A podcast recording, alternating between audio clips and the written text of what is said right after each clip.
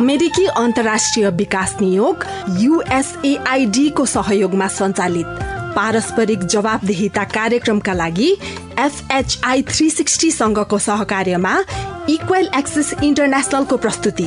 साझा बोली रेडियो बहस।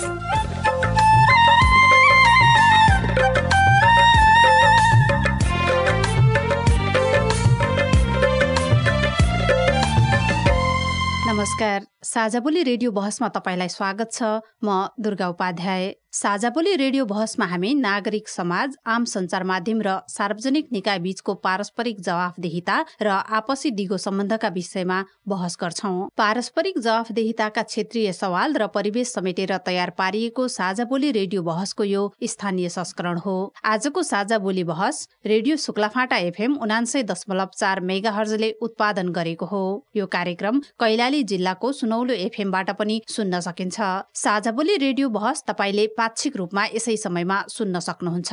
साझा बोली रेडियो बहसको यो स्थानीय संस्करणको पच्चिसौँ भाग हो। झण्डै पाँच वर्ष अघिदेखि प्रसारण भइरहेको साझा बोली यस वर्ष रेडियो बहसका रूपमा उत्पादन तथा प्रसारण सुरु भएको हो।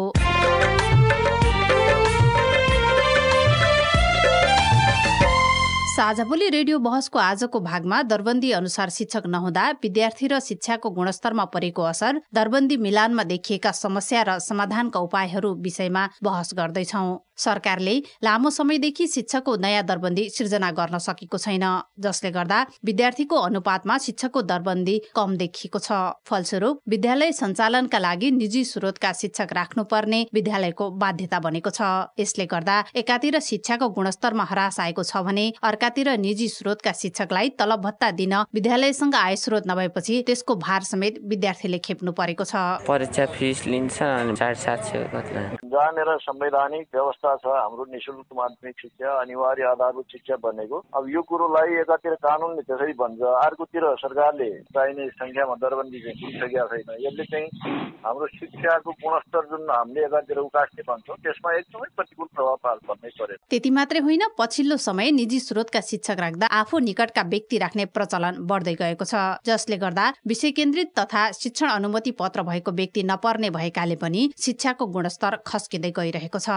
सम्बन्धित विषय केन्द्रित शिक्षक नभए पछाडि त विद्यार्थीले गुणस्तरीय शिक्षा प्राप्त गर्दैनन्। त्यसले गर्दाखेरि शिक्षामा सबभन्दा विद्यार्थीहरूले सब्जेक्ट वाइजको शिक्षकबाट शिक्षा आर्जन गर्नका लागि दरबन्दी भएको शिक्षक भयो भने उसले चाहिँ विषय केन्द्रित भएर शिक्षा प्रदान गर्ने हो। त पछिल्लो समय गाउँ गाउँमा विद्यालय खुलेकाले कतिपय ठाउँमा शिक्षकको अनुपातमा विद्यार्थीको संख्या निकै न्यून छन् त्यस्ता विद्यालयलाई समायोजन गरेर दरबन्दी मिलान गर्ने अधिकार स्थानीय तहलाई छ। तर त्यसलाई व्यवहारमा स्कुलमा लागू गर्न भने निकै चुनौती देखिएको छ। के के स्कुलमा यस्तो छ कि पाँच क्लाससम्म चलेको छ सयजना पनि विद्यार्थी छैनन्। साठीजना छन् पचासजना छन् बयालिसजना छन् अडचालिसजना छन् सतासीजना छन्। अब पचासजना विद्यार्थीका लागि पाँच क्लाससम्मको स्कुल कति आवश्यक हो? नजिकै अर्को स्कुल पनि छ। साझा बोली रेडियो बहस।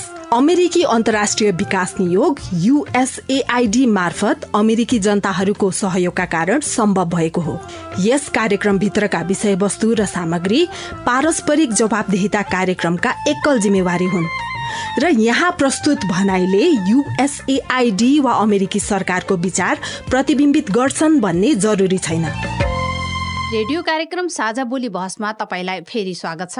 आजको साझा बोली बहसमा हामीले कैलालीबाट सामुदायिक सञ्चारकर्मी वीरेन्द्र शाहले गर्नुभएको छलफल र रेडियो रिपोर्ट लिएर आएका छौँ। साझा बोली रेडियो बहसमा यहाँलाई हार्दिक स्वागत छ। धन्यवाद। आजको कार्यक्रममा हामी दरबन्दी अनुसार शिक्षक नहुँदा विद्यार्थी र शिक्षामा परेको गुणस्तरको असर दरबन्दी मिलानमा देखिएका समस्या र यसको समाधानका उपाय विषयमा बहस गर्दछौँ। आजको छलफलमा हामीसँग हुनुहुन्छ घोडागुड नगरपालिकाका शिक्षा शाखा प्रमुख उमेश रेग्मी र नेपाल पत्रकार महासङ्घ सुदूरपश्चिम प्रदेशका पूर्व उपाध्यक्ष तथा पत्रकार चाँदनी आचार्य हुनुहुन्छ। यो छलफललाई अगाडि बढाउनुभन्दा एकैछिन हामीले सहभागीका टिप्पणी लिएका छौँ। टिप्पणी सुन्छौँ। टिप्पणी पछि हामी चाहिँ छलफल गर्नेछौँ। मेरो नाम अजय भन्न म कक्षा सातमा पढ्छु। परीक्षा फिस लिन्छ अनि साढे सात सय मेरो नाम खडबहादुर बुढा घोलपा।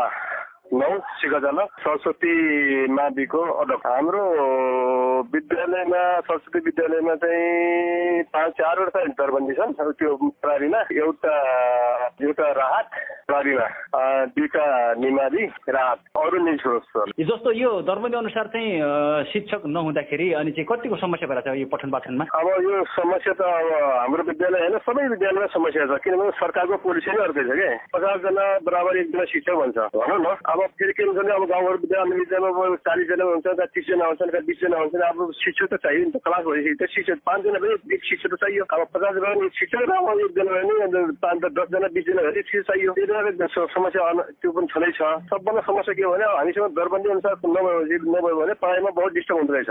मैले त अहिले बरु अरू अरू अरू नगरपालिका विद्यार्थीहरूले बरु सिलगुटी राख्छन् जस्तै भनौँ न अब यो हाम्रो राष्ट्रिय कलेज छ यो जस्तै कान्ति छ त्यहाँ त पाँच छ सात आठदेखि नाम लेखाइ अन्य अब नाम लेखाएर पैसा ल्याएको छ मैले त नौ र दसमा त लिएर अरू कुनै उसमा हामीले केही पनि दिएको छ आठ एक दुई तिन चार पाँच छ सात आठमा के लिएको छ नौ र दसमा त लिएको छौँ नौ दसमा कस्तो भर्ना शुल्क कि सहयोग शुल्क भनेर के लिनु भएको छ सहयोग शुल्क सहयोग शुल्क भनेर थोरै त्यो भने वर्षको कति हजार बाह्र सय मात्रै छ सबै कुराहरू हजार बाह्र सय मात्रै छ अन्त त अब हेर्दाखेरि त धेरै धेरै रहेछ त्यो कान्तिमै धेरै रहेछ उता राष्ट्रिय कलेजमा धेरै रहेछ कुरा बुझ्दाखेरि त।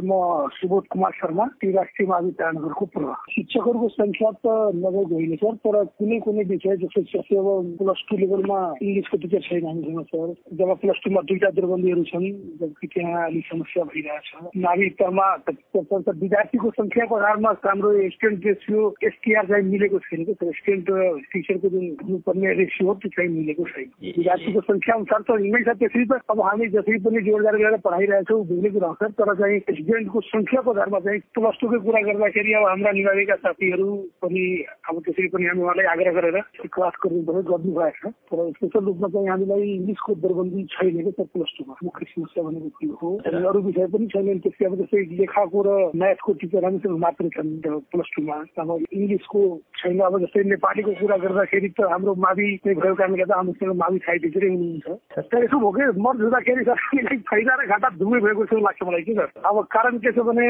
विद्यार्थीहरू सुरुमा त आएछ तर अहिले अहिले लास्टमा सर एक वर्षपछि फेरि मोटामोटी केही सङ्ख्या मात्र बढेको देखियो ती विद्यार्थीहरू हाम्रो खास विद्यार्थी भनेको सर नौ दस एघार बाह्रमा तलतिर विद्यार्थीको सङ्ख्या कमै छ प्राइभेट स्तरमा त एकदमै एकदम लो स्तरमा छ निम्न स्तरमा छ निभावी स्तरमा ठिक ठिकै छ माविमा खास गरेर नौ दस एघार बाह्रमा विद्यार्थीको सङ्ख्या बढी छ मेरो परिचय ओम महादेव सापकोटा विद्यालयको नाम जनप्रगति आधारभूत विद्यालय शिक्षक एउटा दरबन्दी हुनुहुन्छ अरू रातमा हुनुहुन्छ विद्यालयमा अहिले पाँचसम्म हो के अरे पाँचमा छ अहिले अब दरबन्दी त भए अङ्ग्रेजी पढाउने भए राम्रो हुने थियो दरबन्दी एउटै छ अहिले सरहरू कति हुनुहुन्छ दुईटा सर हुनुहुन्छ अनि पठन पाठनमा बाल बालिकाहरू अलिक कमजोरी छन्। विद्यालय त अब घटायो घटाएर अलि विद्यालयले यहाँ त फाइदा त केही छैन। अब बाल बालिकालाई टाढा भयो स्कुल जान पनि। हामीले सहभागीको टिप्पणी सुन्यौँ। अब हामी छलफललाई अगाडि बढाउँछौँ। आजको पहिलो प्रश्न घोडाको नगरपालिका शिक्षा शाखा प्रमुख उमेश रेग्मी सरलाई हामीले के टिप्पणी सुन्यौँ? अहिले चाहिँ भर्खर केही विद्यार्थी अनि शिक्षक अभिभावकको यो दरबन्दी अनुसार शिक्षकको पदपूर्ति चाहिँ भएको छ कि के छ अवस्था चाहिँ अहिले कुडागुड नगरपालिकामा?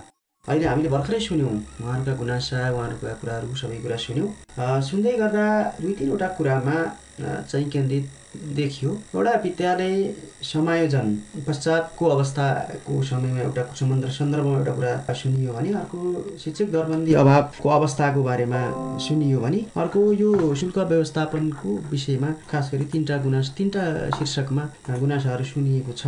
अब सुरुमा म शिक्षक दरबन्दीको कुराबाट सुरु गर्छु। शिक्षक दरबन्दीको कुरा गर्ने हो भने हाम्रो पालिकामा अहिलेसम्म सत्रवटा मावि स्कुलहरू छ। स्थायी दरबन्दी हामीसँग दसवटा मात्रै छ। त्यसै गरी निभावी तहमा हाम्रो बिसवटा आधारभूत तह अथवा आठ क्लास चलेका निभावी तहका स्कुलहरू छन् भने साबिकको निभावी भन्छ। अहिले अब दरबन्दी निभावी भएको हुनाले भने मैले बिसवटा मात्रै छ। अनि त्यसै गरी प्राथमिक तहमा हामीसँग एकाउन्नवटा स्कुलमा जम्मा पचहत्तरजना मात्रै स्थायी दरबन्दी छ। बाँकी अरू कुरामा राहत अनुदान कोटा छ अलिअलि। र सबै विद्यालयमा पर्याप्त शिक्षक दरबन्दी छैन। यो कुरामा हामीले स्वीकारेको कुरा हो। र यही समस्याहरू अब यो पर्याप्त दरबन्दी नहुँदा निजी स्रोतका शिक्षकहरू विद्यालय निजी स्रोतमा शिक्षकहरू राखेर अध्ययन अध्यापन गराउँदै आउनु भएको छ।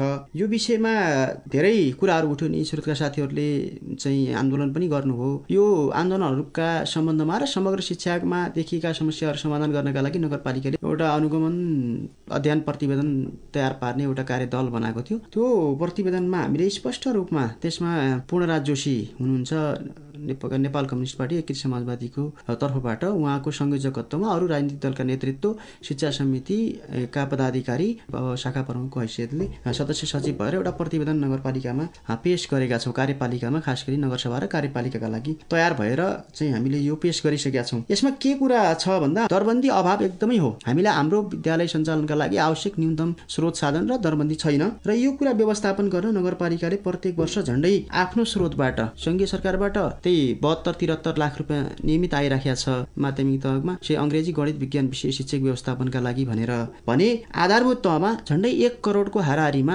हामीले चाहिँ प्रत्येक वर्ष निस्रोतका शिक्षक व्यवस्थापन अनुदान भनेर विद्यालयलाई अनुदानको रूपमा दिइराखेका छौँ र त्यो पैसा नै शिक्षकहरूले खाइराख्नु भएको छ। यो पर्याप्त चाहिँ छैन। अब हामीले निश्चित मापदण्डका आधारमा पठाउँछौँ। सुरुमा हामीले तेह्र हजार पाँच सय प्राविलाई आधार मानेर दियौँ। निवाबीलाई पन्ध्र हजार र माविलाई अठार हजारका दरले त्यो स्केललाई आधार मानेर स्वयंसेवकको रूपमा हुने गरी अनुदानको रूपमा विद्यालयलाई दिने र विद्यालयले नियुक्ति गरेका शिक्षकहरूलाई चाहिँ त्यहाँबाट पैसा खुवाउने काम भइराखेको छ। यसरी हामीले अहिले वर्ष पनि गरिराखेका छौँ। र यो अध्ययन प्रतिवेदन आइसकेपछि कुन स्कुल कतिसम्म सञ्चालन गर्न आवश्यक छ? अब विद्यालय समाजनको कुरा पनि अब यहाँ जोडिन्छ। मैले यो कुरा पनि यहाँलाई भने त्यो किनभने दरबन्दी सङ्ख्याको कुरा जोड्दाखेरि त्यो कुरा पनि आउँदो रहेछ क्या? किनभने त्यो विद्यालय कतिसम्म आवश्यक छ? त्यसका लागि कति साधन स्रोत चाहिन्छ? कति शिक्षक चाहिन्छ? कति विद्यालय भवन चाहिन्छ? कति विद्यार्थी हुन्छ? यी सबै कुरा हेर्दाखेरि पछि कुरा गरौँला अहिले मैले दरबन्दीको कुरामा मात्रै कुरा गरेँ मैले हजुरलाई हाम्रोमा चाहिँ पर्याप्त दरबन्दी भएका स्कुलहरू छँदै छैनन् भने पनि भयो। नगढे मात्रामा छन् तिन चारवटा स्कुलमा मात्रै पर्याप्त दरबन्दी छ। बाँकी सबै तपाईँको पैँचालिस छ्यालिसवटा स्कुलमा हाम्रो चाहिँ दरबन्दी अभाव छ। यति कुरा मैले हजुरलाई निवेदन गरेँ यो के कारणले चाहिँ यो शिक्षक पद पूर्ति हुन नसक्यो घुडाको नगरपालिका विद्यालयमा? अब यस्तो हो अब दरबन्दी त नेपाल सरकारले अहिले सिर्जना गरेकै छैन होइन? पहिला नै धेरै पहिला तपाईँको स्वीकृति गरेर दरबन्दी सिर्जना गरेको हो। त्यो पछिल्लो चरणमा राहत अनुदान कोटाको रूपमा आयो छ्यासठी सतसट्ठीसम्म त्यति राहत अनुदान कोटा नआइदिएको भए पनि त दसवटा मावि दरबन्दीले बिसवटा निभावी दरबन्दीले पचहत्तरवटा प्रावि दरबन्दीले हाम्रो स्कुल सञ्चालन गर्ने अवस्था थिएन। र अब त्यसपछि हामीले नगरपालिकाले के गरेका छौँ भने यो वर्षबाट सुरुवात गरेका छौँ सत्रवटा माध्यमिकका विद्यालयहरूलाई अनुदान दिने र उन्चासवटा आधारभूत तहलाई अहिले हामी निभावी र प्रावि भनेर छुट्याएका छैनौँ। आधारभूत तह भनेर विद्यालयको आवश्यकताका आधारमा मासिक पन्ध्र हजारका दरले तेह्र महिनाको हुन आउने रकम विद्यालयलाई उन्चासवटा जना शिक्षकलाई व्यवस्थापन गर्न सकिने गरी विद्यालयलाई अनुदान यो वर्ष पठाइराखेका छौँ। यो पर्याप्त छैन। अब यसको समाधानका लागि सङ्घीय सरकारले दरबन्दी मिलानको कुरा गरेको छ। हाम्रोमा दरबन्दी यति चाहिन्छ भन्ने कुरा पनि यकिन भइसकेका छ। अब सङ्घीय सरकारको स्रोत अभावका कारण र हाम्रो पनि स्रोत अभावका कारणले गर्दा यो दरबन्दी सिर्जना हुन सकिराखेका छैन। म नेपाल पत्रकार महासङ्घका सुदूरपश्चिम प्रदेशका पूर्व उपाध्यक्ष तथा पत्रकार चाँदै मेडुतिर फर्के। यो शिक्षकको पदपूर्ति नहुँदा कस्तो खालको समस्या चाहिँ देख्नु भएको छ? यो घोडागोडी नगरपालिकामा सुरुमै हाम्रो जुन जनप्रतिनिधिहरू आउनुभयो उहाँहरू प्रमुख र उपप्रमुख दुइटै शिक्षा क्षेत्रबाट आएको र उहाँहरूले चाहिँ शिक्षाको विषयमा विशेष बजेटिङ गरेर विशेष खालको कार्यक्रमहरू ल्याएर यसलाई सुधार गर्ने भन्ने खालको उद्घोष विभिन्न कार्यक्रमहरूमा चाहिँ उहाँहरूले गर्दै आउनु भएको थियो। तर यो पाँच वर्षको अवधिमा हेर्दाखेरि के देखियो भने यो विद्यालयहरूको समायोजन गर्दाखेरि नै उहाँलाई सबभन्दा ठुलो ठक्कर त्यहीमा भयो के? उहाँले चाहिँ जुन समायोजन गर्ने खालको जुन ल्याउनु भयो प्रावधान त्यो एक खालको पहिला उहाँहरूले चाहिँ समुदायलाई यहाँको विद्यालय व्यवस्थापन समितिलाई समग्र जुन शिक्षासँग जोडिएको छ नि उहाँहरूलाई बुझाउन सक्नु भएन कि? उहाँले बुझाएर एक किसिमले चाहिँ शिक्षामा सुधार गर्नलाई चाहिँ यसले यस्तो खालको रोल खेल्छ भन्ने किसिमले उहाँहरू अगाडि बढेको भए सायद त्यति विवादित हुन्थेन होला। दरबन्दीको कुरा गर्दाखेरि के छ भने यसले चाहिँ पक्कै पनि त्यहाँ अध्ययन गर्ने विद्यार्थीहरूमा प्रत्यक्ष असर गर्छ। किनभने जुन खालको विद्यालयमा आवश्यक शिक्षकहरू चाहिने हो त्यो मात्र नहुँदाखेरि त सम्बन्धित विषय केन्द्रित शिक्षक नभए पछाडि त विद्यार्थीले गुणस्तरीय शिक्षा प्राप्त गर्दैनन्। त्यसले गर्दाखेरि सब्जेक्ट वाइजको शिक्षकबाट शिक्षा आर्जन गर्नका लागि दरबन्दी भएको शिक्षक भयो भने उसले चाहिँ विषय केन्द्रित भएर शिक्षा प्रदान गर्ने हो। सीमित स्रोतमा शिक्षक शिक्षकहरू हुन्छ अनि निजी स्रोतबाट शिक्षकहरू राखेको हुन्छ। अनि त्यसले गर्दाखेरि उनीहरू निजी स्रोतमा भएकाहरूले चाहिँ एकदमै न्यून सेलरीमा काम गर्नुपर्ने हुन्छ। कतिपयले त सेलरी नै नपाएर निशुल्क सेवा गर्ने अवस्था पनि भएको अवस्थामा उनीहरूले चाहिँ गुणस्तरीय शिक्षा दिने कुरामा चाहिँ त्यति राम्रो चाहिँ देखिँदैन जस्तो लाग्छ मलाई। गुणस्तरीय शिक्षा प्रदान गर्नका लागि दरबन्दी विद्यालयहरूमा तोकिएको छ। त्यो अनुसारको शिक्षकको व्यवस्था चाहिँ हुनु जरुरी छ। त्यो भएन भने विद्यार्थीहरूले जुन पाउनुपर्ने शिक्षा हो त्यो गुणस्तरीय शिक्षा चाहिँ पाइरहेको हामीले पाएका छैनौँ। म उमेश रेग्मीतिर फर्केँ। यो शिक्षकको दरबन्दी चाहिँ कसले मिलान गर्छ? यो कसरी हुन्छ यो चाहिँ अब यो? दरबन्दी मिलान खास गरी सङ्घीय सरकारले हिजो जिल्ला शिक्षा कार्यालय हुँदा जिल्ला शिक्षा कार्यालय मार्फत गरिन्थ्यो र अहिले पालिकालाई दायित्व दिएको छ। दरबन्दी मिलानको जिम्मा स्थानीय तहलाई दिएको छ तर दरबन्दी थोरै छ। अब मिलान के गर्ने? सत्र स्कुल छ दसवटा दरबन्दी छ। बिसवटा चाहिँ आधारभूत स्कुल छ विषय दरबन्दी छ। अनि अघि म्यामले पनि कुरा उठाउनु भयो विषयगत शिक्षकको व्यवस्थापन राम्रो गर्न सकिएन भने हामीले क्वालिटी दिन सक्दैनौँ। अब एकाउन्नवटा स्कुलमा पचहत्तरजना शिक्षक छर्नु पर्ने भयो। एउटा स्कुलमा दुईजना पनि पर्दैन। भने अनि क्वालिटीको कुरा कहाँबाट सम्भव हुन्छ? त्यही भएर अघि सुरुमा हामीले कुरा गऱ्यौँ नि अघि चाहिँ नयाँ जनप्रतिनिधि आउनुभयो। उहाँहरूको चाहना के थियो भने अब कार्यान्वयन तहमा विभिन्न खालका अब आरो अब्रोहरू आए। हाम्रो उद्देश्य के हो भने विद्यालय शिक्षाको सुरुवात गुणस्तरीय शिक्षा प्रदान गर्ने हो भने विद्यालयको व्यवस्थापन महत्त्वपूर्ण कुरा हो। विद्यालयको स्रोतको व्यवस्थापन गर्न पर्यो पहिला विद्यालय मिलान गर्ने समायोजन गर्ने। जस्तै हामीसँग अहिले पनि तपाईँ हेर्नुहुन्छ भने नाम नलिउँ स्कुलको तर केही केही स्कुलमा यस्तो छ कि पाँच क्लाससम्म चलेको छ सयजना पनि विद्यार्थी छैनन्। साठीजना छन् पचासजना छन् बयालिसजना छन् अडचालिसजना छन् सतासीजना छन्। अब पचासजना विद्यार्थीका लागि पाँच क्लाससम्मको स्कुल कति आवश्यक हो? नजिकै अर्को स्कुल पनि छ।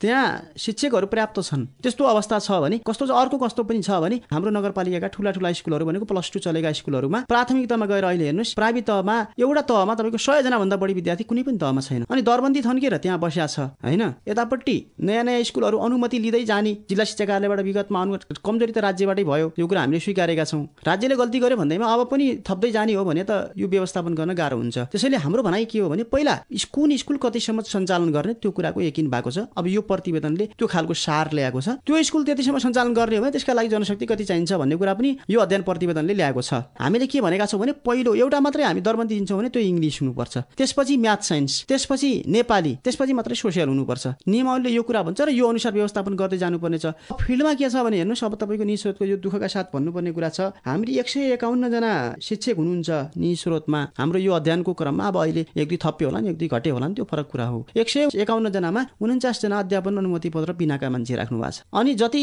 बाँकी रहे सयजनाको हाराहारी भनौँ सयजनामा पनि कस्तो छ भने म्याथ साइन्सका नौजना हुनुहुन्छ नौजनाकै लाइसेन्स छैन। म्याथ साइन्स इङ्ग्लिस जुन कोर कन्टेन्ट सब्जेक्ट हो कोर सब्जेक्ट जो विद्यार्थीलाई गाह्रो फिलिङ मानेका छौँ हामीले जहाँ बढी सिकाइ उपलब्धिमा जोड दिनुपर्ने छ त्यतापट्टिको जनशक्ति भन्दा पनि हाम्रै विद्यालयको आफ्नो आवश्यकताका आधारमा त्यहाँको पहुँचका आधारमा राख्ने कुराहरू चाहिँ बढी भएको छ। त्यसैले यो व्यवस्थापन गर्न चुनौती चाहिँ छ। हामीले के भनेको छौँ भने अब यसलाई व्यवस्थापन भएका साथीहरूको पनि विषय मिल्छ भने उहाँहरूलाई पनि त्यो तरिकाले व्यवस्थापन गर्दै लैजाने र विद्यालयको स्रोत एउटा उदाहरण मात्रै दिएको मैले राष्ट्रिय मावि सुखडको स्रोतको व्यवस्थापन त्यहाँको व्यवस्थापन समितिले गर्ने हो भने त्यो स्कुललाई सरकारको अनुदानको आवश्यकतै छैन। मासिक अस्ति हामीले अनुगमन गर्न झन्डै एक करोड रुपियाँसम्म वार्षिक उसले उठाउन सक्छ भन्ने कुरा छ। यसको व्यवस्थापनका लागि राजनीतिक दलहरूले चाहिँ अलिकति बढी सक्रियता मैले धेरै कुराहरू भनेको छु। हाम्रो लेभलबाट हुने अवस्था छैन। कर्मचारीको लेभलबाट त्यहाँ हामीले मैले धेरै राम्रो ठुलो प्रयास गरेको छु यो व्यवस्थापनलाई गर्नलाई। अब राजनीति लेभलका साथीहरूसँग कुरा गरेका छौँ यसको व्यवस्थापन समिति गठन गरौँ। निस्वार्थ तरिकाले काम गरौँ निस्वार्थ तरिकाले काम गर्ने मान्छे ल्याउँ अनि जनतालाई पनि बुझाउनु पऱ्यो कि? उहाँहरूले जनतालाई कन्भिन्स नगर्दाखेरिको यो व्यवस्थापन गर्न गाह्रो भइरहेको छ।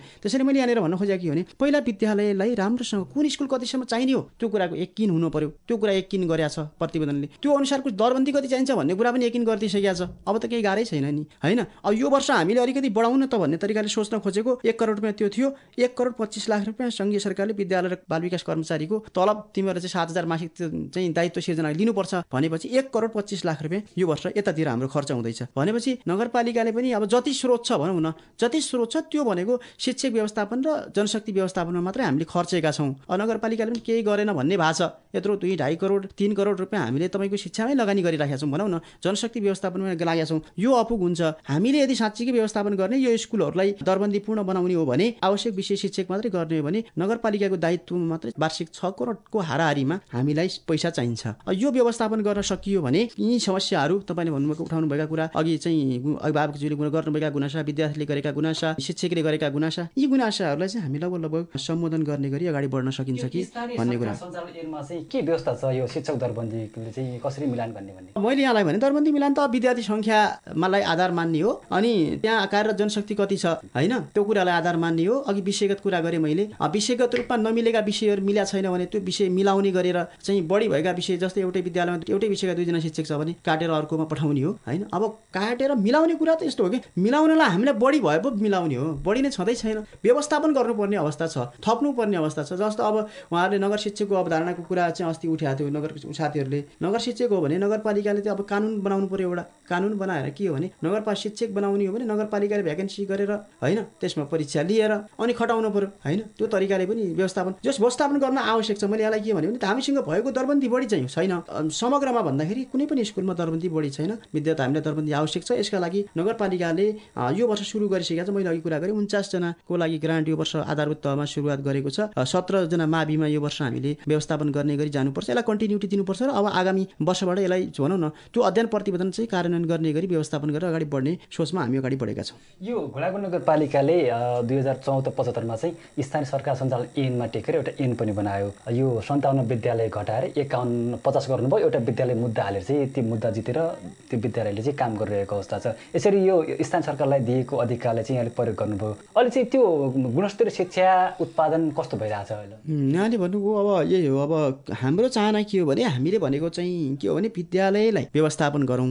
पहिलो चरणमा व्यवस्थापन यहाँले भन्नु जस्तै पहिला त्यो हरेक रूपमा भौतिक रूपमा पनि होस् होइन त्यो जनशक्तिका हिसाबले पनि होस् र अन्य तालिम उनको क्यापासिटी बिल्डिङका कुरा पनि हामीले जोडेका थियौँ कि। गुनासो अघि चाहिँ मैले एकजना अध्यक्षज्यूले बोल्दै हुनुहुन्थ्यो आफै व्यवस्थापन समितिको अध्यक्ष हुनुहुन्थ्यो कसैसँग सरकार चासै राखिएन भन्ने कुरा। यो कस्तो हुँदो रहेछ भने यो बडा गाह्रो विषय रहेछ होइन हामी अब कर्मचारी भयो सैद्धान्तिक रूपमा कुरा गऱ्यो भने अँ एकदम यो मिलाउनु पर्छ यो गर्नुपर्छ यो व्यवस्थापन गर्नुपर्छ। हाम्रो नगरपालिकामा एकाउन्न स्कुल चाहिँदैनन् अहिले पनि भनिराख्नु भएको छ होइन। टेक्निकल्ली जाने हो भने अब त्यहाँ त एउटा नीति कानुन त बन्छ नि त। त्यो बन्दाखेरि तिन सय एक्काइसजना विद्यार्थी छन् मावि स्कुल हो दस क्लास चलेको स्कुल हो। नियमावलीले के भन्छ भने एउटा कक्षामा जेनरली पचासजना विद्यार्थी हुनुपर्छ भन्छ। भन्दै गर्दा पाँच सय विद्यार्थी त एउटा मावि स्कुलमा हुनु पऱ्यो नि त अब होइन? अब यसलाई के भन्ने अब हामीले पोलिटिकल भाषा बोल्न मिल्दैन होइन? मैले यहाँहरूलाई भने भन्न खोजेको के भने सैद्धान्तिक रूपमा सबै सहमति हुन्छन्। व्यवस्थापन गरौँ मर्ज गरौँ सर त्यो मिलाउँ भन्ने कुरामा कोही पनि नाइ भन्दैनन्। अब टेक्निकल रूपमा जाँदाखेरि कोही न कोही त ठोकिन्छ नि त त्यो। त्यो ठोकिँदै जाँदाखेरि मेरो स्कुल पऱ्यो पनि हुँदैन भन्ने तरहको कुरा हुन्छ त्यही भएर हामीले यो काम धेरै सफलली गर्न पाएनौँ। तर पनि अब यसलाई अर्को तरिकाबाट जाने चाहिँ सोच बनाएका छौँ जस स्रोत व्यवस्थापन गरेर विद्यालयलाई गुणस्तरीय शिक्षा दिने कुरामा हामी लागिराखेका छौँ। म यता चाँदरी मिरमतिर फर्केँ। अहिले सरले चाहिँ के कुरा भन्नुभयो यो कसरी गऱ्यो भने समाधानको मूल समस्या चुनौती चाहिँ के के जस्तो लाग्छ यहाँलाई? भर्खरै हाम्रो यो शिक्षा शाखाको सरले धेरै कुराहरू भनिसक्नु भएको छ। अलिकति यो हामी गुणस्तर सुधारको कुरा गर्दाखेरि हामीले नतिजामुखी त्यति देखिरहेका छैनौँ। किनभने हामी धेरै भौतिक पूर्वाधारको लागि पनि बजेटिङ गरेका छौँ। दरबन्दीका लागि भर्खरै सरले भन्नुभयो नगरपालिकाले धेरै खालको कुराहरू गरेको। तर हाम्रो वास्तवमा यो गर ठोकिने भनेको विद्यार्थीको नतिजामा हो। नगरपालिकाको सरकारी विद्यालयमा अध्ययन गर्ने विद्यार्थीहरूको रिजल्टले के बताउँछ त? त्यो कुराहरू त दिन सक्नु पर्यो नि त। जस्तो अहिले चाहिँ सजिलो के भएको छ भने अहिले हामीले चाहिँ कोभिडले गर्दाखेरि विद्यालय बन्द भयो यस्तो भयो यो भएका कारणले पढाइ चाहिँ अवरुद्ध भयो भन्नलाई सजिलो भएको छ। रिजल्टकै कुरा गर्दाखेरि घोडाघोडी नगरपालिकामा एक दुईवटा विद्यालयहरू चाहिँ नमुनाकै रूपमा छन् नभएको होइन। तर त्यो खालको वातावरण सबै विद्यालयहरूमा चाहिँ बनाउन सकिएको अवस्था देखिएन। किनभने हामीले चाहिँ कम्तीमा पनि काम गर्दाखेरि त्यो विद्यालयमा चाहिँ हो स्रोत साधनको अभाव हुन सक्छ। तर पनि जुन खालको एउटा सरकारी सेवा सुविधा उपभोग गरेर अध्ययन अध्यापन गराइरहेका छन्। ती शिक्षकहरू प्रशासनले चाहिँ नियमित रूपमा चाहिँ त्यहाँ गर्नुपर्ने कामहरू गरेको छ कि छैन भन्ने खालको एउटा अनुगमनको जुन पाटो छ नि त्यो एकदमै कमजोर देखियो कि। अहिले एकदमै नजिकको हाम्रो नगरपालिकाको मुटु मानिएको सुखड बजारमा रहेको यो राष्ट्रिय माध्यमिक विद्यालयलाई हेरौँ हेर्नुहोस्। हिजो कस्तो थियो विद्यालय? यति धेरै सम्पत्ति छ यसको यति लथालिङ्ग अवस्था छ। विद्यालय व्यवस्थापन समितिको अध्यक्ष अहिलेसम्म चुनिन सकेको छैन। होइन नगरपालिकाले पन्ध्र दिने सूचना काटिरहेको छ तर पनि त्यो हुन सकिरहेको छैन म नै क्वेसन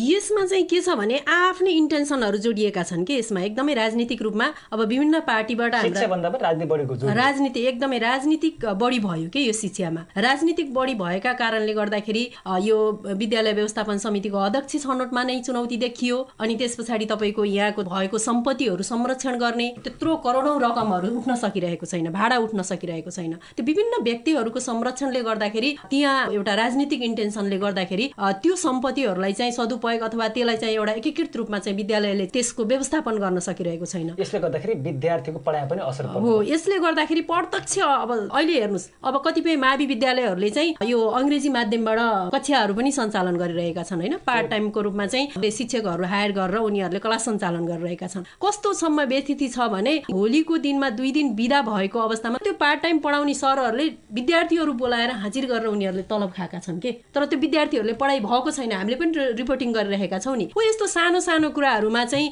पक्कै पनि यहाँको जुन विद्यालय व्यवस्थापन भयो प्रशासक भयो विद्यालयको होइन उनीहरूले पनि त्यसमा ध्यान दिनु पर्यो के? शिक्षकहरूले क्लासमा गएर पढाइरहेको छ कि छैन? होइन विद्यार्थीहरूले अनुशासन कायम गरेर अध्ययन गरिरहेको छ कि छैन? पुरा घन्टी पढाइ भएको छ कि छैन भन्ने कुरा त विद्यालय व्यवस्थापन समितिले अथवा त्यहाँको प्रशासकले बुझ्नुपर्ने कुरा हो नि। अहिले चाहिँ एकदमै बढी राजनीतिक हाबीका कारणले गर्दा नै शिक्षामा विकृति फैलिएको छ।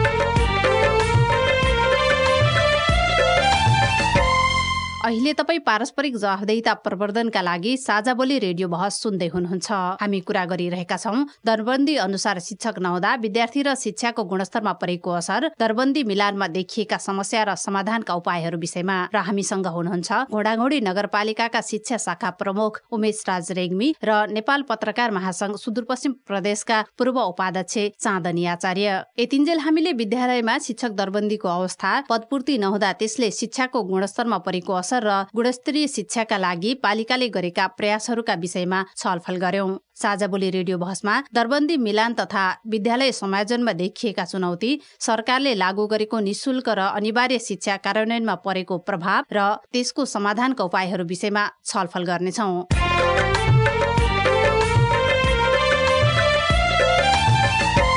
रेडियो कार्यक्रम साझा बोली बहसमा दरबन्दी अनुसार शिक्षक नहुँदा विद्यार्थी र शिक्षाको गुणस्तरमा परेको असर दरबन्दी मिलानमा देखिएका समस्या र समाधानका उपायहरू विषयमा सवाल जवाफ सुन्दै हुनुहुन्छ। हामीसँग हुनुहुन्छ घोडाघोडी नगरपालिकाका शिक्षा शाखा प्रमुख उमेश राज रेग्मी र नेपाल पत्रकार महासंघ सुदूरपश्चिम प्रदेशका पूर्व उपाध्यक्ष चाँदनी आचार्य। साझा बोली रेडियो बहसमा शिक्षक दरबन्दी कम हुनुको कारण र त्यसको व्यवस्थापनमा देखिएका चुनौतीका बारेमा तयार पारिएको रेडियो रिपोर्ट अबको पालोमा।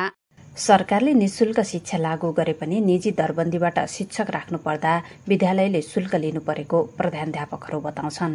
आवश्यकता अनुसार शिक्षक दरबन्दी नबढाएसम्म शिक्षाको गुणस्तरसँगै निशुल्क शिक्षा कार्यक्रम पनि प्रभावित हुने उनीहरूको दावी छ।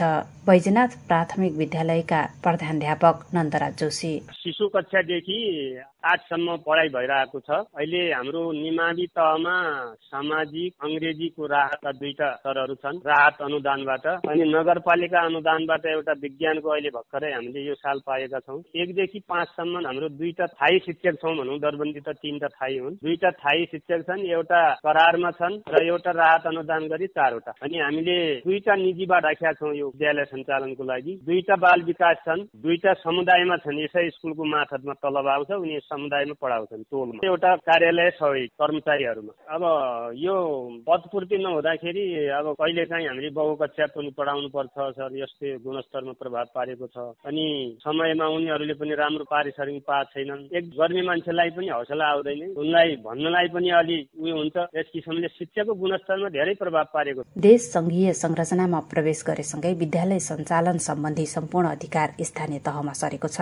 यद्यपि कतिपय स्थानीय तहले बजेटको अभाव देखाउँदै विद्यालयमा शिक्षकको दरबन्दी बढाउन नसकिएको बताउने गरेका छन्। तर केही पालिकाले भने अनुदान कोटा मार्फत दरबन्दी रिक्त भएका विद्यालयहरूमा शिक्षकको पदपूर्ति गरेका छन्। एकैपटक सबै विद्यालयमा शिक्षकको पदपूर्ति गर्न नसके पनि चालु आर्थिक वर्षबाट त्यसको शुरूआत गरिएको कृष्णपुर नगरपालिकाका शिक्षा शाखा प्रमुख विष्णु दत्त भट्ट बताउनुहुन्छ।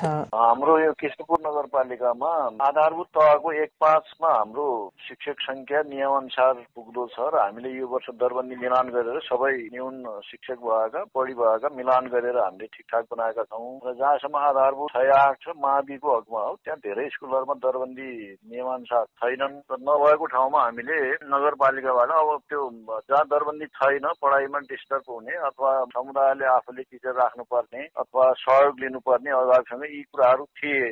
त्यसलाई सम्बोधन गर्न अब नगरपालिकाले यसपालि न्यून दरबन्दी भएका माविको हकमा सबैलाई चार दरबन्दी पुग्ने गरी हामीले नगरपालिकामा शिक्षक कोटा भनेर मासिक तिस हजारको दरले चाहिँ यहाँबाट उपलब्ध हुने गरी चार दरबन्दी पुग्ने गरी चाहिँ दिइएको छ। करिब हाम्रो पन्ध्र सोह्रजना करिब माविमा गएका छन् त्यसरी। र आधारभूतमा जहाँ दरबन्दी थिएनन् एक थियो दुई थियो उहाँहरूलाई तिन बनाउने र तिन भएवालाई न्यूनतम चार दिने गरी हामीले करिब एक्काइसवटा दरबन्दीको मासिक सोह्र हजारले हुने गरी त्यसरी व्यवस्थापन गरिएको छ अहिले। र यसले केही हदसम्म अब शिक्षकको जुन आपूर्ति हो जुन समुदाय अभिभावकले चाहिँ झेल्नु पर्ने जुन अप्ठ्याराहरू छ उहाँहरूको शुल्क आदिमा त्यसले चाहिँ केही सहयोग पुर्याउँछ भन्ने हामी र यो पुग्दो चाहिँ सफिसियन्ट चाहिँ अहिले पनि होइन। अब त्यो दिएको रकम पनि न्यून हो र पुग्दो चाहिँ अब माविमा पाँचवटा दरबन्दी हुनुपर्नेमा चारसम्म दिइहाल्छ। तिन स्कुल बाहेक जम्मैमा हाम्रो दरबन्दी न्यून छ करिब तेह्रवटा माविमा तिनवटा मात्रै पुग्दो दरबन्दी थियो अरूमा छैन। त्यस्तै आधारभूतमा छ आठ छ सातवटामा दरबन्दी थिएनन्। त्यसलाई यो वर्ष चाहिँ त्यसरी हामीले करिब अस्सी लाख बजेट चाहिँ त्यहाँ त्यसको लागि छुट्याएको छ र त्यहाँबाट हामी तलब भत्ता भनेर तिर्ने गरिरहेको छ दरबन्दी अनुसार टिचर नहुनु भनेको अभिभावक समुदायले टिचर राख्नु त्यो भनेको जेन तेन अब पूर्ति गर्ने हो। त्यो किताब पनि हुन्छ हुँदैन आफ्नो ठाउँमा हुन्छ। अनि उसले थोरै तलबमा काम गर्न सक्ने नसक्ने हाम्रो ठाउँमा हुन्छ। दरबन्दी अब जहाँनिर संवैधानिक व्यवस्था छ हाम्रो निशुल्क माध्यमिक शिक्षा अनिवार्य आधारभूत शिक्षा भनेको। अब यो कुरोलाई एकातिर कानुनले त्यसरी भन्छ। अर्कोतिर सरकारले चाहिने सङ्ख्यामा दरबन्दी चाहिँ दिइसकेका छैन। यसले चाहिँ हाम्रो शिक्षाको गुणस्तर जुन हामीले एकातिर उकास्ने भन्छौँ त्यसमा एकदमै प्रतिकूल प्रभाव पार्छ भन्नै पर्यो कञ्चनपुरमा कक्षा एकदेखि पाँचसम्मका शिक्षकको दरबन्दी दुई सय उनासाठी छ तर विद्यार्थीको संख्या एक हजार एक सय उनान्सय रहेको छ। त्यस्तै कक्षा छदेखि नौसम्म शिक्षक दरबन्दी एक सय अस्सी रहेकोमा विद्यार्थी संख्या चार सय तीन छ। कक्षा नौ र दसमा शिक्षक दरबन्दी एक सय नौ र विद्यार्थी संख्या दुई सय छयासी छ। त्यसै गरी प्लस टूमा शिक्षक दरबन्दी उनासाठी छ भने विद्यार्थीको संख्या एक सय चार रहेको छ। शिक्षा विकास तथा समन्वय इकाइ कार्यालय कञ्चनपुरका अनुसार जिल्लामा उनानब्बे दरबन्दी रिक्त रहेका छन् जसमा कक्षा एकदेखि पाँचसम्मको छत्तर दरबन्दी रिक्त छन्। टोल टोलमा विद्यालय भन्ने अवधारणाले सरकारलाई आर्थिक भार पर्न गएको छ। यद्यपि दरबन्दी मिलान तथा व्यवस्थापन सम्बन्धी कार्यविधि दुई हजार छिहत्तरले विद्यार्थीको संख्याका आधारमा विद्यालय मर्ज गर्ने व्यवस्था गरेको छ। तर राजनीतिक पूर्वाग्रहका कारण कार्यान्वयनमा समस्या देखिएको शिक्षा विकास तथा समन्वय इकाइका सूचना अधिकारी राजेन्द्र प्रसाद भट्टको भनाइ छ।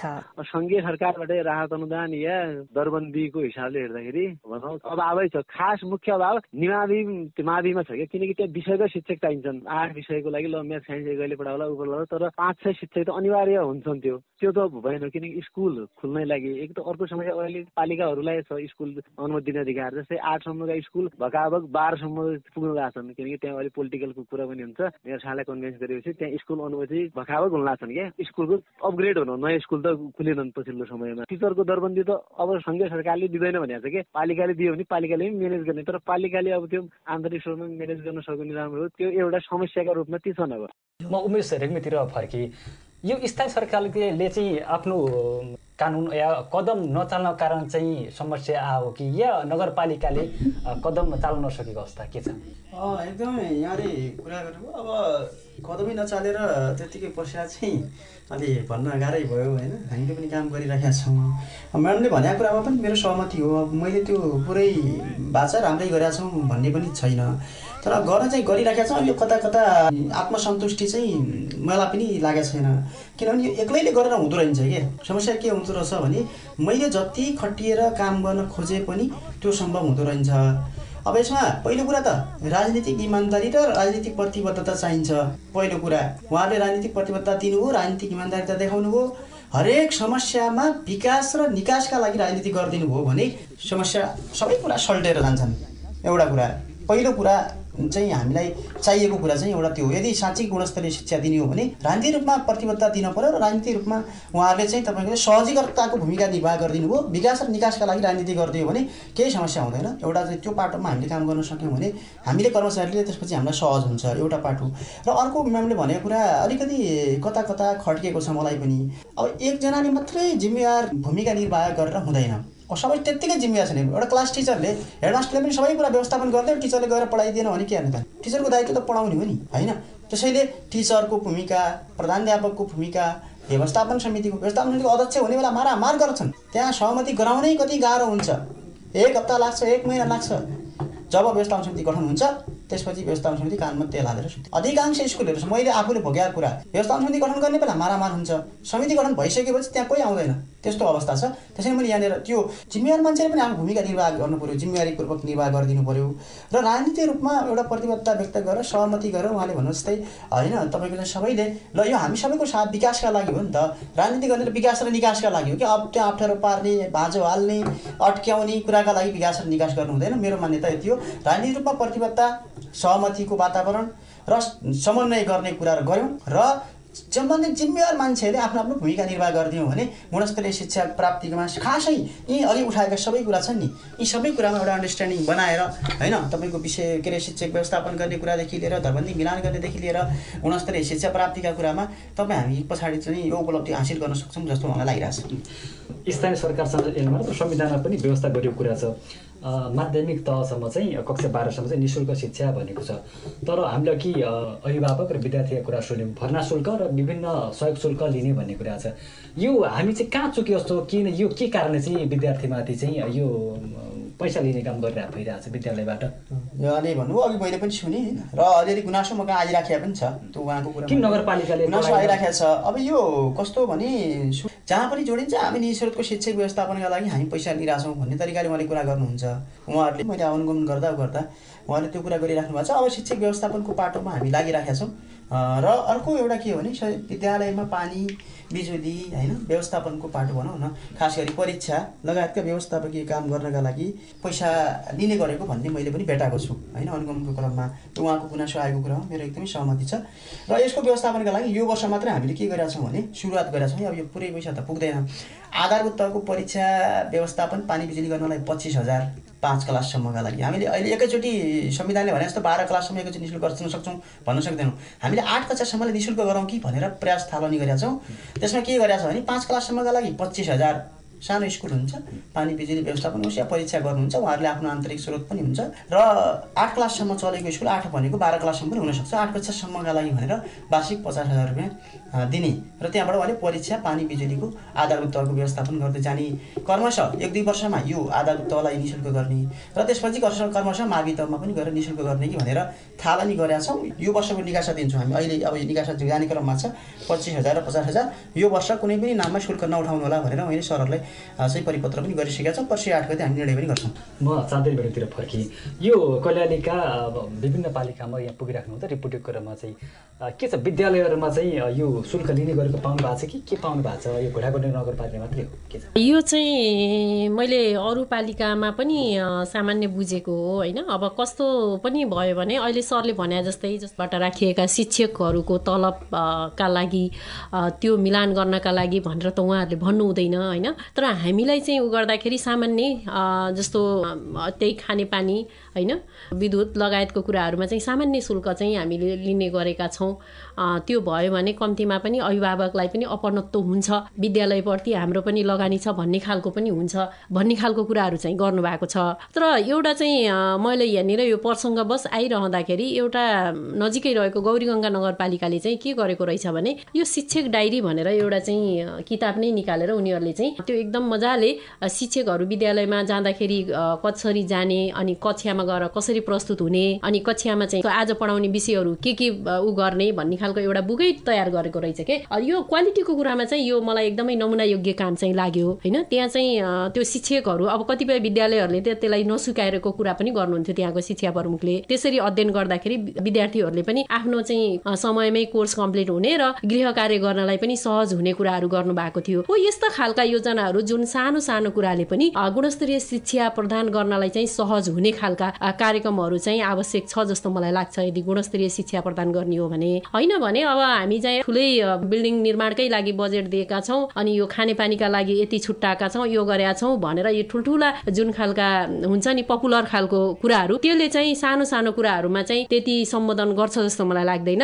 जुन हामी चाहिँ विद्यार्थी केन्द्रित र शिक्षक केन्द्रित भएर कार्यक्रमहरू अगाडि लैजानुपर्छ जस्तो मलाई लाग्छ गुणस्तरीय शिक्षाका लागि। मैले उमेशतिर फर्केँ यही प्रश्नमा चाहिँ जस्तो गौरीगङ्गा उदाहरण दिनुभयो नमुना योग्य शिक्षक डायरी भनेर। भयो नगरपालिका त्यस्तो योजना या त्यस्तो खालको केही छ कार्यक्रमहरू गुणस्तरीय शिक्षा दिनुको लागि के बनाउनु भएको छ यहाँले यहाँले भन्नुभयो जस्तै अब एउटा नमुना चाहिँ गौरीङ्गले गरेर चाहिँ हामी प्रत्येक महिनाको एक दिन चाहिँ तेह्रवटै पालिकाका साथीहरू बस्छौँ। शिक्षा विकास तथा समन्वय इकाइको भनौँ न समन्वयमा हामी प्रत्येक पालिकामा एक एक दिन गर्छौँ र त्यहाँ के कारण गरेका छ के गर्दैछौँ वार्षिक बजेट कार्यक्रम के छन् कसरी कार्यान्वयन गरिराखेका छौँ भन्ने कुरा सशर्तको पैसा त हामी एकै तरिकाले खर्च गर्नुपर्छ। र अरू साथीहरूले के के कुरामा के के नयाँ अभ्यास के छ भन्ने तरिकाले हामी सेयरिङ पनि गर्छौँ। म्यामले भन्नुभएको कुरा एकदमै सही हो। त्यहाँ शिक्षक डायरी चाहिँ तयार गर्नु भएको छ। त्यो डायरीका आधारमा शिक्षण शिक्षा क्रियाकलाप गर्ने भन्ने चाहिँ गर्नुभएको छ। त्यो मलाई पनि जानकारीमा छ। र हामीले गरेको के हो भने यस्ता कुरामा हामीले एउटा शैक्षिक क्यालेन्डर बनाएका छौँ। शैक्षिक क्यालेन्डरमा हामीले के गरेका छौँ भने कुन महिनाको कति गते कुन पाठ पढाउने तपाईँलाई म देखाउँला होइन? भनेका छौँ भने त्यो पनि एउटा खालको प्लान हो नि त। कुन टिचरले आज मैले के विषय पढाउने कुन महिनासम्म कति कोर्स पढाउने भन्ने तरिकाले हामी एउटा क्यालेन्डर मार्फत पनि गइरहेका छौँ शिक्षण शिक्षा क्रियाकलापमा अर्को हामीले के गरेका छौँ भने उहाँले भन्नु जस्तै हामीले खास गरी आइसिटीको जमाना हो प्रत्येक स्कुलमा तपाईँहरू बुझ्नुहोस् घोडागढ नगरपालिकाको कुनै पनि स्कुलमा हाम्रो आइसिटी कार्यक्रम परेको छैन हामीसँग ल्यापटप छैन हामीसँग प्रोजेक्टर छैन हामीसँग आइसिटी इक्विपमेन्ट छँदै छैन भन्ने स्कुल छैन। हामीले धेरै पुर्याउन सकेका छैनौँ कमसेकम एक सेट नभए एउटा स्कुलमा जानुहोस् अहिले पनि तपाईँको दुईदेखि तिन सेटसम्म हामीले तपाईँको चाहिँ आइसिटीका सामग्रीहरू इक्विपमेन्टहरू चाहिँ पुर्याएका छौँ। अब यसको व्यवस्थापनका लागि आइसिटी तालिम राखेका छौँ यो वर्ष। टिचरलाई आइसिटी ट्रेनिङ दिन्छौँ। अनि लेखा व्यवस्थापनको तालिम चलिरहेको छ। अस्ति हामीले स्थानीय पाठ्यक्रम जो नेपाल सरकारले तोकेको छ नेपाल सरकारले पाठ्यक्रम बनाउनु भनेको छ अरू पालिकाले अहिलेसम्म निर्माण गरेका छैन हामीले स्थानीय पाठ्यक्रम निर्माण गरेर हामीले सम्बन्धित क्लास टिचरलाई तपाईँको चाहिँ अहिले बोलाएर तालिम दिइसकेका छौँ। यस्ता गुणस्तरीय शिक्षा अर्को पनि अर्को के नमुना विद्यालय सहयोग कार्यक्रम भन्ने मार्फत हामीले के गरेका छौँ भने विद्यालयमा बसाइ व्यवस्थापन साना बच्चाहरूको बसाइ व्यवस्थापन कार्पेटिङका कुरादेखि लिएर अनि हामीले अभिभावक शिक्षाको पाटोमा पनि काम गरेका छौँ यहाँलाई थाहा छ। होइन हामीले के गरेका छौँ भने अहिले दिवा खाजाको कार्यक्रमको मोडालिटीले चेन्ज गरिदिएका छौँ हामीले। के भने पन्ध्र रुपियाँ त दिने हो तर घरको मुख्य गार्जेन मान्छे आयो भने मात्र दिन्छौँ हामी। महिनामा एकपल्ट पुग्छ नि। महिनामा एकपल्ट अनिवार्य रूपमा आउँछ। आएपछि के हुन्छ मेरो छोराले पढाएको छ कि छैन मेरो छोराका कमजोरी के छन् उसले नसोधे पनि हाम्रो टिचरले तपाईँको चाहिँ भन्ने वातावरण त एउटा सिर्जना गरिदिएका छौँ। त्यसैले क्वालिटी इन्डियन्सका क्षेत्रमा काम गरेका छौँ। यी देखिने कुरा होइनन्। जस्तै सेनिटरी प्याडको कुरा गर्नुहोस् प्रत्येक छात्रलाई हामीले चाहिँ भनौँ न महिनावारी हुँदाखेरि विद्यालय आउँदा कति गाह्रो हुन्थ्यो। एउटा सेनिटरी प्याडहरू चाहिँ निशुल्क रूपमा वितरण गरिराखेका छौँ। दिवा खाजाका कार्यक्रम छात्रवृत्तिका कार्यक्रम छन्। इन्टरनली ती नदेखिने कुराहरू छन् हामीले गरिराखेका छौँ। यहाँले भन्नुभयो जस्तै अब क्वालिटी इन्डियन्सका लागि स्पेसिफिक कार्यक्रमहरू चाहिँ तिनै हुन् खासै धेरै चाहिँ यही गरेका छौँ भन्ने त होइन। चाहिँ राम्रा कुराहरू चाहिँ हामी सेयरिङ गर्छौँ। आगामी वर्ष चाहिँ चाहिँ समग्रमा हाम्रो उद्देश्य भनेको गुणस्तरीय शिक्षा प्रदान गर्ने बालबालिकालाई त्यसमा कटिबद्ध छौँ। अब हामी कार्यक्रम अन्तिम छौँ। यो दरबन्दी अनुसार शिक्षक नहुँदा र विद्यार्थीले चाहिँ गुणस्तरमा परेको असर र दरबन्दी मिलानमा देखिएको समस्या र समाधानको उपायमा छलफल गऱ्यौँ। अब यसको चाहिँ समाधान कसरी गर्न सकिन्छ होला? ए यसको लागि हामी अब पहिला त अब हामी लागिराखेका छौँ यहाँलाई जानकारी प्रतिबद्धता के हुन्छ कसरी भन्नु हामीले अब यसका लागि पहिला त शिक्षक दरबन्दी पहिला विद्यालय एकिन हुनु पऱ्यो क्या विद्यालय नक्साङ्कन गरेर विद्यालय एकिन गरेका छौँ। र आगामी वर्ष नयाँ जनप्रतिनिधिज्यू आउनुभयो भने पनि यी राम्रा कुराहरूलाई चाहिँ हामी कन्टिन्युटी दिएर उहाँहरूलाई चाहिँ कन्भिन्स गर्छौँ लाग्छौँ र राम्रा कुरा क्वालिटी इन्डियन्समा हामी प्रतिबद्ध भएर लाग्छौँ। अर्को शिक्षक व्यवस्थापनको कुरा पहिला विद्यालय नक्साङ्कन त्यसपछि आवश्यक दरबन्दी चाहिँ दिनै पर्छ। विषयगत रूपमा दरबन्दी दिने भनेर तपाईँको चाहिँ जोसुकै भर्ना गर्ने गरी जेसुकै गर्ने गरी हामी दिँदैनौँ। हामी पहिलो प्राथमिक सङ्घीय सरकारले दरबन्दी नदिन्जेलसम्मलाई हामीले नगरपालिकाले भए पनि न्यूनतम बेसिक स्यालेरी दिएर उहाँलाई स्वयंसेवकको रूपमा चाहिँ अध्यापन गराउने गरी आवश्यक अनुदान दिने गरेर त्यसबाट तपाईँको शिक्षक व्यवस्थापन अनुदान कोटामा पनि पहिला मेजर सब्जेक्टहरूमा तपाईँको अङ्ग्रेजी गणित विज्ञान नेपाली सामाजिक त्यसपछि आवश्यकता भने विद्यालय अरू कोटामा पनि राख्न सक्ने गरी व्यवस्थापन गरेर अगाडि लैजाने गरेर हामी लागिरहेका छौँ। र क्वालिटी इन्हान्सको कुरामा लागेका छौँ र शुल्कको कुरा चाहिँ अलिकति शुल्क चाहिँ लिन हुँदैन। सामुदायिक विद्यालयमा नलिने नै भनेको छ संविधानले भनिसकेपछि हामीले लिन पाइन्छ भन्ने कुरा होइन। यो अन्त्यमा चाहिँ समस्या कहाँनिर छ यसको समाधान चाहिँ के हुन्छ? मेन समस्या त सरले भनेकै कुराहरूमा आइसकेको छ होइन? अब यो हाम्रो विद्यालयहरूमा चाहिँ जस्तो समायोजनको कुराहरू धेरै विद्यालयहरू भयो दरबन्दी कम भयो होइन? विद्यार्थी कम छन् विद्यालयहरू धेरै भए त्यसलाई चाहिँ समायोजन गरेर गयो भनेपछि समस्या समाधान हुन्छ भनेर उहाँले भनेको कुरामा म पनि सहमत छु। र यो समायोजन गर्दाखेरि यहाँको अभिभावक यहाँका राजनीतिक दल यहाँको समग्र पक्षले चाहिँ त्यो बुझिदिनु पर्यो। भोलि एउटा क्वालिटी योग्य शिक्षा प्राप्त गर्नका लागि आफ्नो बालबालिकाले चाहिँ क्वालिटी योग्य शिक्षा प्राप्त गर्नका लागि राम्रो हुन्छ भने व्यवस्थित गरेर अगाडि बढ्दाखेरि चाहिँ राम्रै हुन्छ जस्तो मलाई लाग्छ। र अर्को कुरा के छ भने हाम्रो चाहिँ अहिले अब धेरै सरकारी विद्यालयहरूमा चाहिँ राज्यले धेरै लगानी पनि लगाएको छ। तालिमको कुराहरूमा होस् अथवा सेवा सुविधाको कुराहरूमा हो नेपाल सरकारको उहाँले सेवा सुविधा पाइराख्नु भएको छ। उहाँले चाहिँ इमान्दारीपूर्वक चाहिँ कक्षामा पूर्ण घन्टीहरूमा चाहिँ पढाइदिन पर्यो कि? मुख्य कुरा। कस्तो देख्छौँ भने हामीले चाहिँ अब टेन टु फोर त विद्यालयभित्र नै बालबालिकाहरू हुन्छन् नि। तर कस्तो हुन्छ भने उनीहरू क्लासमा हुँदैनन् कि? बाहिर बाहिर छरिएको अवस्था हुन्छ। कम्तीमा नि त्यो खालको वातावरण चाहिँ विद्यालयहरूमा बनाउनु भएन। प्रशासनले चाहिँ त्यसलाई अलिकति निगरानी गर्नु पर्यो र शिक्षकले चाहिँ कम्तीमा त्यो कक्षा कोठामा गएर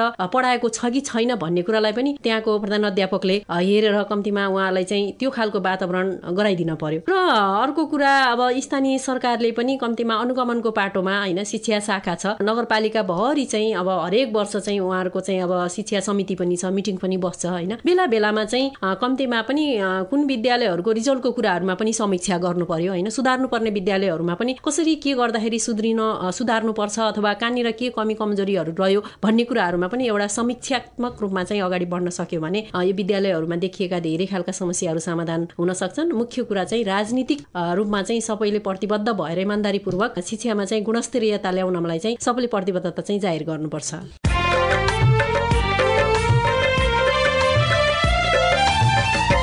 साझा बोली रेडियो बहसमा अहिले हामी कुरा गरिरहेका छौँ। दरबन्दी अनुसार शिक्षक नहुँदा विद्यार्थी र शिक्षाको गुणस्तरमा परेको असर दरबन्दी मिलानमा देखिएका समस्या र समाधानका उपायहरू विषयमा यतिन्जेल हामीले विद्यालयमा शिक्षक दरबन्दीको अवस्था पदपूर्ति नहुँदा त्यसले शिक्षाको गुणस्तरमा परेको असर र गुणस्तरीय शिक्षाका लागि पालिकाले गरेका प्रयास दरबन्दी मिलान तथा विद्यालय समायोजनमा देखिएका चुनौती र यसको समाधानका उपायहरूका बारेमा छलफल गर्यौं। हामीसँग घोडाघोडी नगरपालिकाका शिक्षा शाखा प्रमुख उमेश राज रेग्मी र नेपाल पत्रकार महासंघ सुदूरपश्चिम प्रदेशका पूर्व उपाध्यक्ष चाँदनी आचार्य हुनुहुन्छ। अब हामी कार्यक्रमको अन्त्यतिर छौं। आजको हाम्रो छलफलमा सहभागी घोडाघोडी नगरपालिका शिक्षा शाखा प्रमुख उमेश राज रेग्मी र नेपाल पत्रकार महासंघ सुदूरपश्चिम प्रदेशका पूर्व उपाध्यक्ष चाँदनी आचार्य यहाँहरू दुवैजनालाई धेरै धेरै धन्यवाद।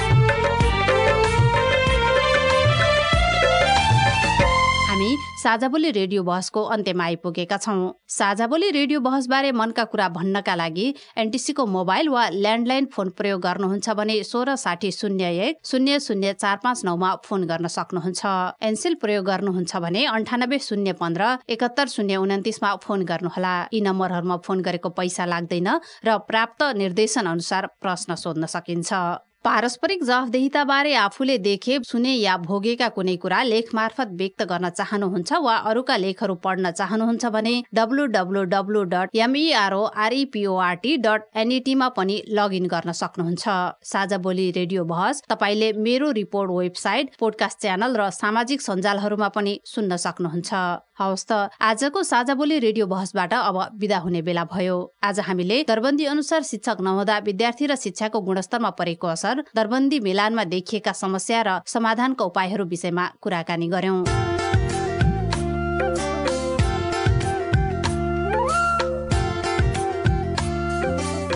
यतिन्जेल ध्यान दिएर कार्यक्रम सुन्नु भएकोमा तपाईँलाई धन्यवाद। आगामी श्रृङ्खलामा पनि आजको जस्तै समयमा सार्वजनिक जवाफदेहिताको अर्को विषयमा छलफल लिएर आउनेछौ। सुन्न नबिर्सनुहोला। आजको कार्यक्रमबाट म दुर्गा उपाध्याय विदा भए। नमस्कार।